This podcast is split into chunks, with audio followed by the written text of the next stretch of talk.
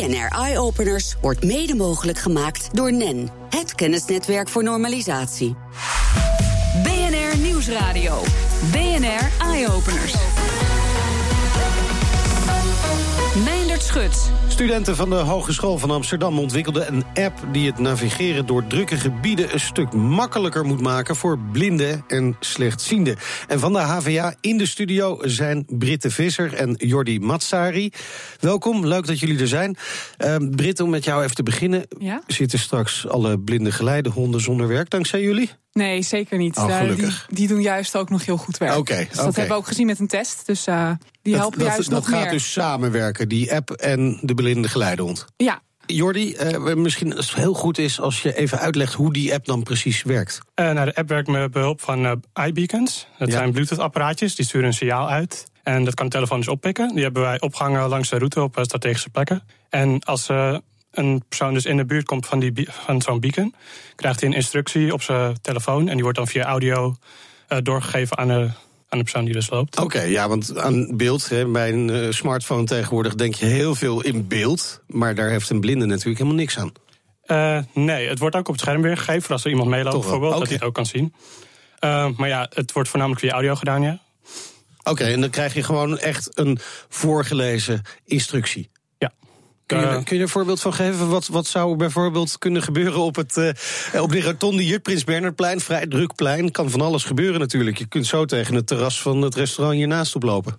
Ehm, ja, er wordt dus aangegeven eh, voor mogelijke obstakels dat je daar langs moet lopen. Of dat er bijvoorbeeld een dubbele oversteek is. Waardoor dus, ze zichzelf kunnen voorbereiden op wat er gaat komen. Oké, en, en Britte, eh, dit is bedoeld voor drukke gebieden. Hè? Eh, ik kan me voorstellen dat jullie Amsterdam in gedachten hebben gehad. Want jullie studeren allebei hier in Amsterdam aan de hogeschool.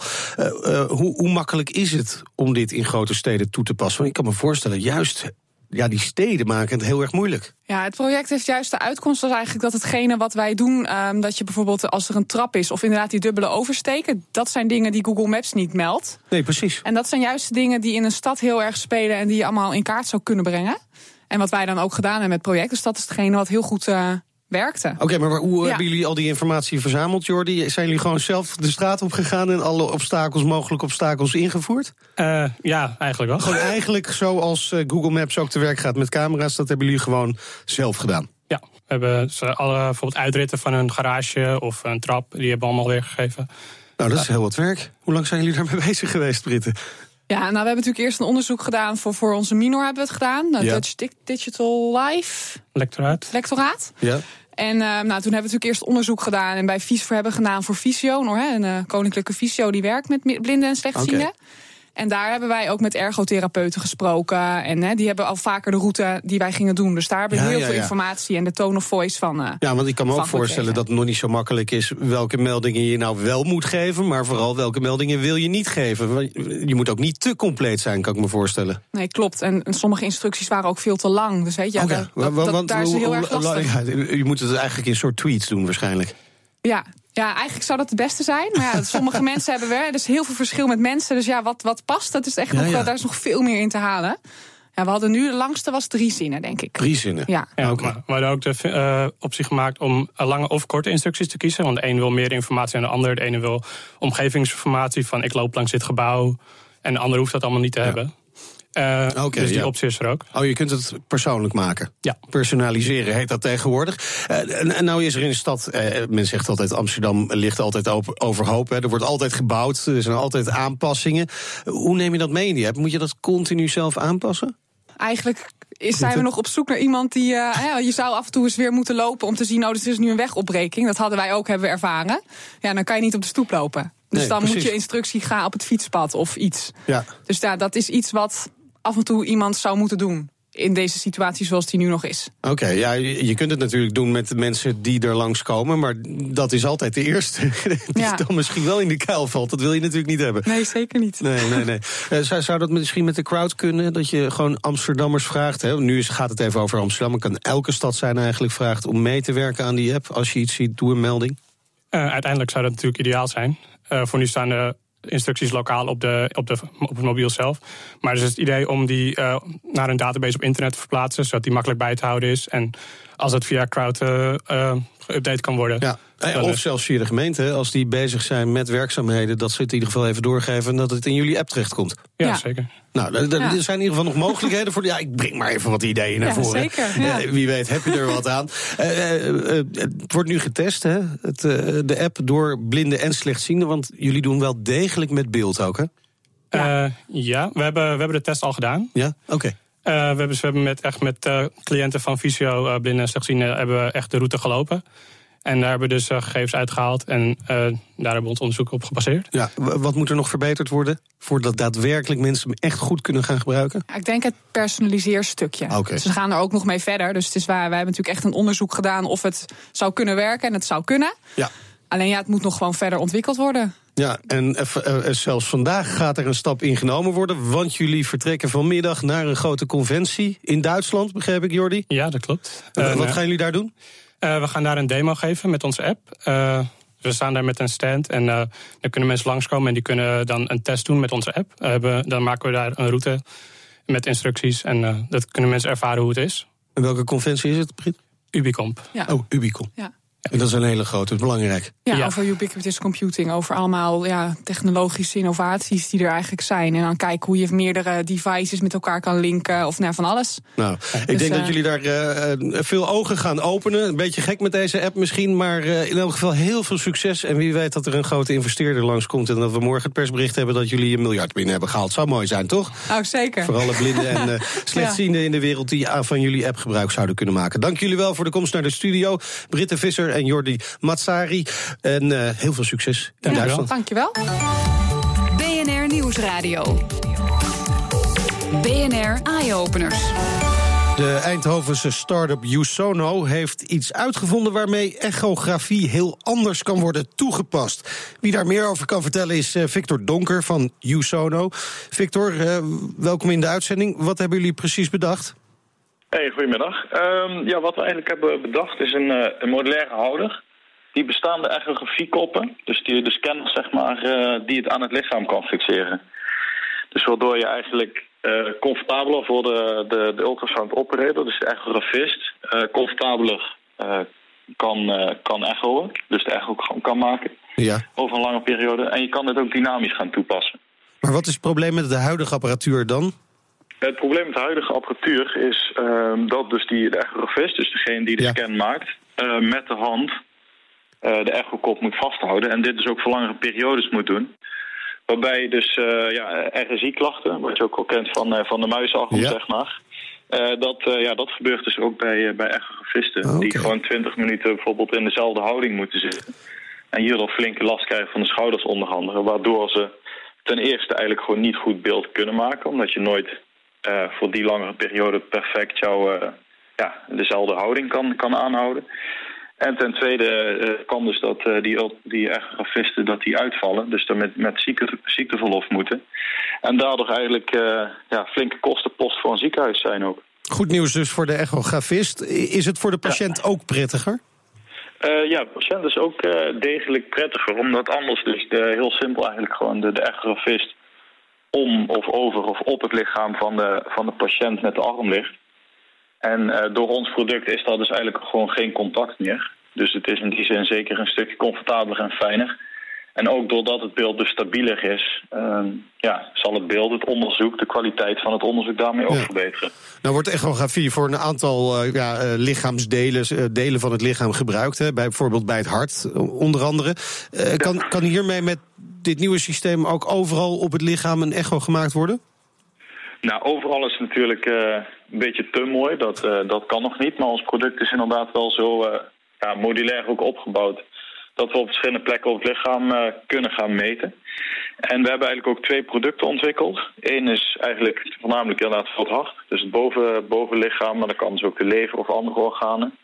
En de andere versie van het product is eigenlijk specifiek eh, ontwikkeld voor de sport. Eh, waarbij Oh. dus de meeste toepassingen eigenlijk op het bovenbeen zijn. Waarbij je dus dynamisch, dus als een, een, een sporter in beweging is, bijvoorbeeld hamstring in beeld kan krijgen. En dat is zelfs eigenlijk gewoon wereldwijd nog nooit gebeurd. Oh. Om een, eh, een spier dynamisch dus in beweging in beeld te brengen met echografie. En, en wat is daar het voor? Ja, dat is redelijk evident dat dat voordelen heeft, want dan zie je veel beter wat die spier eh, goed of fout doet. Ja, dat klopt. Ja, normaal uh, kunnen dus alleen uh, echo-plaatjes, beelden gemaakt worden uh, terwijl een spier niet actief is. Dus iemand kan gaan rennen of fietsen en na het rennen of fietsen kan er ja, gekeken worden, maar dus niet onder beweging. Ehm, en met ons product is het mogelijk om onder inspanning in beweging die beelden te maken. En uh, ja, hier zijn hele grote voordelen. Maar zoals wij, ja, wij spreken met, uh, met top sportartsen. En die zeggen eigenlijk, dit is zo revolutionair dat we eerst moeten gaan uitzoeken wat we ermee kunnen. Ja. Dus uh, ja, hier zijn we ook met, met meerdere samenwerkingen met universiteiten, sportinstanties eigenlijk een ja, samenwerkingsverbanden aan het opzetten om dit ja, te gaan uh, onderzoeken en verder uitwerken. Ja, want jullie hebben het bedacht voor, om, om uh, de echografie van het hart en van die spieren, dus die bovenbeenspieren met name, uh, beter te maken. Maar eigenlijk zeggen de mensen die ermee werken, wij zien misschien nog wel veel meer mogelijkheden. Ja, het, het is natuurlijk moeilijk om te zeggen, maar de mogelijkheden zijn wel misschien ja, gewoon eindeloos. Dus, maar, maar kun je een, een paar voorbeelden noemen waar men dan nu al aan denkt? Uh, nou ja, sowieso uh, even teruggaand weer naar, uh, naar de ziekenhuisafdeling. Waarbij we dus kijken naar normale echografie-scan. waar dus dat RSI-probleem wordt opgelost eigenlijk door ons product.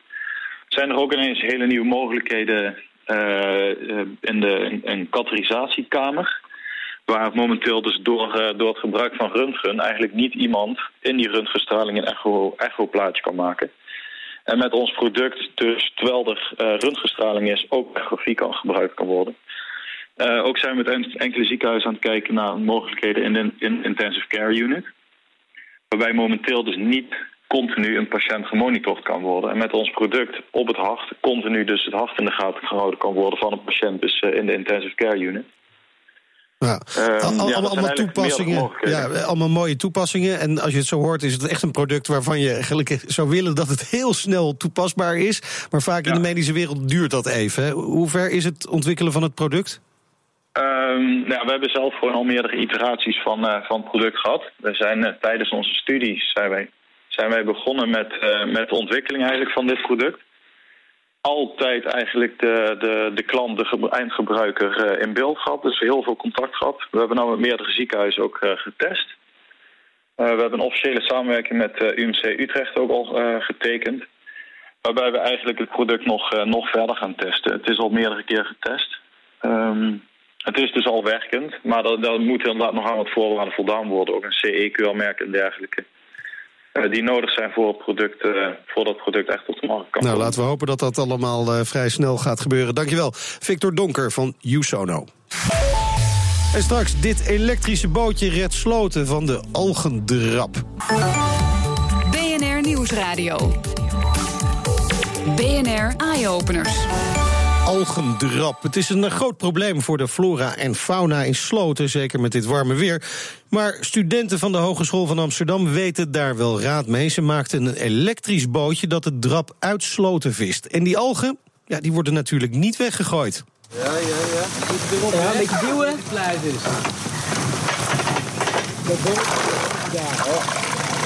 Hi, ik ben Daan Zaalberg, Joey Egbert. Ik studeer op de Hogeschool van Amsterdam, doe daar uh, Engineering Design Innovation. Waar kijken we hier naar? We kijken op het moment naar een uh, algenboot die gebaseerd is op twee drijvers. Met daartussen een lopende band waarmee de algen uit een uh, draadalgen uit een sloot gewonnen worden. Ja, want waarom is dat nodig? Uh, de sloten zitten vol met algen. Maar die algen die leggen een laag op het, uh, op het water... waardoor er geen zonlicht daaronder kan komen. Waardoor daaronder eigenlijk wat minder leven of eigenlijk geen leven meer mogelijk is. Terwijl die algen eigenlijk een hele bruikbare plant is... die vervolgens op het land gebruikt kan worden als mest... of uh, als, uh, als voedsel voor dieren. Joey, hoe maken mensen nu sloten vrij van algen? Hedendaags maken ze schoon met van die grote gravers. Dan gaan ze met de kranen gaan ze in de sloot en die kiepen ze aan de kant op. Het probleem hiervan is dat je de sloot helemaal overhoop haalt... en dat je alle organismen in de sloot doodmaakt.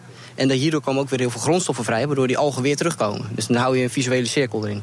Ik ben Cilian Terwind, gelieerd aan Stichting Urgenda. En ik werk aan duurzame gebiedsontwikkeling en circulaire economie. Ik zat net te bedenken toen ik hier naartoe kwam... we zijn al maand over Earth Overshoot Day heen. En dat is eigenlijk het moment in het jaar waarop je meer van de aarde vraagt dan die terug kan geven aan ons mensen. En 8 augustus, uh, op die datum viel dit jaar die Earth Overshoot Day. En ja, we gaan maar door. We verknollen uh, onze eigen grondstof en aarde. Dus het is heel erg belangrijk om de natuurlijk kapitaal in de kringloop te houden. Ik ben eh, Robin van Asperen. Ik ben oprichter van mijn stadstuin. 4 hectare groot stadslandbouwbedrijf in de tuinen van West dus. We zijn in 2014 gestart met groente verbouwen aan de rand van de stad. Omdat we het belangrijk vinden dat mensen zien en voelen en ervaren hoe eten groeit. En wij hier op een geografisch prachtig plekje zitten, vlak bij de stad. Uh, maar toch ook wel weer grootschalig genoeg kunnen produceren om een beetje hout te snijden, gevoelsmatig. Uh, en dat is uh, ook dus hoe we bij dit project zijn betrokken geraakt. We hebben allemaal sloten om ons prachtig land liggen, wat vol met draadaf zit. En mijn overbuurman van de fruittuin Wil Sturkenboom en ik denken altijd als we een probleem tegenkomen, waar zit de onderliggende kans hier? Als deze algen uit het water worden gehaald, dan, dan gaan ze niet de prullenbak in. Ze gaan uh, een hoger doel dienen daarna. Ja, precies. Dus uh, we hebben twee toepassingen eigenlijk ervoor. Eén is composteren. Uh, daarmee verhoog je dus de eiwitwaarde van je compost, wat goed is voor je grondje. De andere is drogen en vervolgens tot brok persen, tot als visvoer. En dat is dan ook de stiekem, maar uiteindelijke doel van dit hele project is dat het, we hier een openlucht aquaponic systeem willen realiseren. Dat klinkt heel heftig. Ja, ja, ja. De aquaponics is al zo'n mooi begrip wat al je wenkbrauwen doet uh, fronsen. Van, wat is dat dan? Maar het gaat om gecombineerde planten-vissteelt. Dus de nutriëntenstroom die van vissteelt afkomt is goede voeding voor planten en vice versa. Dit wordt vooral indoor gedaan. Uh, het nadeel vinden wij altijd van indoor is dat je iets uit zijn natuurlijke context haalt, synthetisch namaakt en hoe dan ook eeuwig externe input vergt. En wij hopen hier met de natuurlijke buffers, dus een systeem wat niet zoveel externe input heeft. Maar omdat de kickstarter er moeten dus, uh, zoals Joey net ook aangaf, lucht weer en uh, zuurstof in dat water komen, wat nu helemaal dichtgegroeid zit. Dus eerst openmaken met dat bootje, stuurstof toevoegen en dan gaan we de nutriënten proberen sla van te telen in het systeem. In plaats van draadalg en dan vis in de open sloot uh, uiteindelijk. En kan iedereen hierbij betrokken raken? Zeker. we zijn nu gericht op ondernemers en wat er allemaal gebeurt. Maar we gaan ook de bewoners uit de omgeving erbij betrekken. En iedereen kan hier komen kijken, altijd. Als je je aanmeldt als geïnteresseerde en we denken met z'n allen van volgens mij hebben we wat aan elkaar. Wat eigenlijk vrij snel het geval is als je echt uh, intrinsiek gemotiveerd bent rondom dit onderwerp. Dan uh, kun je mee gaan doen. Ja, het elektrische bootje dat dus drap uit sloten vist. Heel goed voor de planten en dieren in de sloten. En dat was Robin van Asperen, die hoorde in een bijdrage van Carlijn Meinders vanuit de Tuinen van West. BNR Nieuwsradio. BNR Eye-Openers. Dan gaan we naar Elger van der Wel, hoofdredacteur van Numrush.nl. Hij houdt voor ons altijd de ontwikkelingen buiten de grenzen uh, in de gaten. Wat gebeurt er allemaal op het gebied van de technologische ontwikkelingen? En Elger, we beginnen even bij de elektrische bus. Want er is nog altijd een probleempje met de elektrische bus, de accu. Maar er is nieuws, vertel. Ja, ja, die elektrische bus. Ik woon zelf in Utrecht, en rijdt er ook eentje rond. Maar het probleem is gewoon dat op de helft van de dienst moet je die bussen aan de laden. Dat is niet heel handig. Uh, is een Amerikaans bedrijf, Proterra, die hebben een nieuwe bus gemaakt. Um, en die kan bijna 600 kilometer rijden op een volle accu. En 600 kilometer is gewoon echt genoeg om een hele dag lang uh, de diensten, de rondjes uh, te rijden. En daarmee dus gewoon het, het, het werk te doen zonder tussendoor op te laden. Dat is echt wel een belangrijke stap om, om ook in steden het, ja, het, het vervoer duurzamer te kunnen ja, gaan maken. Nee, dat is zelfs een enorme doorbraak als dit inderdaad echt van de grond gaat komen. Uh, dan een nieuw apparaatje dat je eigen lichaam gebruikt. En we gaan het weer over elektriciteit hebben. Dat je eigen lichaam gebruikt om elektriciteit op te wekken. Ik kan me voorstellen, heel handig voor de smartphone en uh, voor de, de, de smartwatch en zo, om die allemaal op te laden. Hoe werkt het precies? Ja, het is niet per se bedoeld om meteen apparatuur te gaan oh. opladen. Je, nou, we weten natuurlijk, uh, warmte is eigenlijk ook energie. Daar kun je elektriciteit van maken. Ja. Dat gebeurt ook in, uh, in ouderwetse elektriciteitscentrales met kolen, dat soort dingen. Maar ons lichaam is ook hartstikke warm. Um, uh, dus er is al vaak onderzoek gedaan. Kunnen we die energie niet gebruiken? Kunnen we niet elektriciteit opwekken? Maar het is maar heel weinig stroom. Nu hebben onderzoekers van North Carolina University die hebben een nieuw soort pleister eigenlijk ontwikkeld. Die plak je op je lijf. En die kan twintig keer zoveel stroom op, opwekken, wat eigenlijk tot nu toe gebruikelijk was. Het leuke is, die kan dan worden gebruikt om uh, wearables van stroom te voorzien. Dus bijvoorbeeld als je je hart continu zou moeten monitoren, dan, dan heb je nu een, een apparaatje met een accu. En die gebruikt maar heel weinig stroom, maar wel continu. Uh, als je je lichaamswarmte, die altijd aanwezig is, in kan zetten, dan is dat gewoon de, de energiebron. Okay. En heb je geen accu meer nodig. Dus het is vooral ook in de medische toepassingen dat, dit, dat we dit gaan zien. Juist van die, van die wearables die continu heel weinig stroom gebruiken, ze techniek Ja, het is nu uh, voor... nog allemaal onderzoekswerk. Ah, okay. Maar okay. Het, het, het komt er vast komt uh, in de praktijk aan. Ja, Ja. En, en de elektrische bus kunnen we er nog niet op laten rijden, maar wie weet in de toekomst. Hey, wat er uh, straks nog niet uh, van de, via de grond gaat gebeuren, maar via de lucht juist gaat bezorgd worden, burrito's. En dit komt dan weer uit het ja. van Google. Hè. dat gaat straks echt gebeuren, Mexicaans eten door de lucht, alvast voortbedurend op een presidentschap van Trump. Als hij die muur gaat maken, kunnen ze eroverheen vliegen. Ja, maar de, ja, precies. Google is al een tijdje bezig met uh, Project Wing. Uh, uh, om echt bezorgdrones te gaan doen. Ze zijn trouwens niet de enige bedrijven. Als DHL is daarmee bezig. Amazon wordt al druk getest.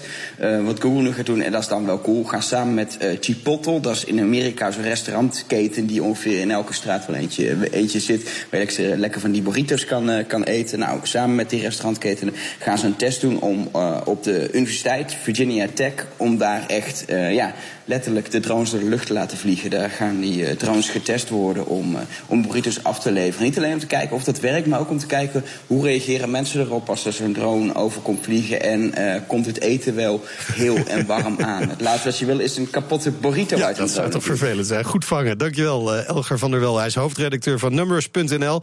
Op bnr.nl slash eyeopeners vind je natuurlijk nog veel meer innovaties met impact. En op Twitter vind je ons via BNR Eyeopeners. Heb je nou zelf iets leuks gezien of bedacht? Stuur dan een mail naar eyeopeners.bnr.nl. Het was hem voor nu. Je hoort ons in de toekomst. BNR Eyeopeners wordt mede mogelijk gemaakt door NEN, het kennisnetwerk voor normalisatie.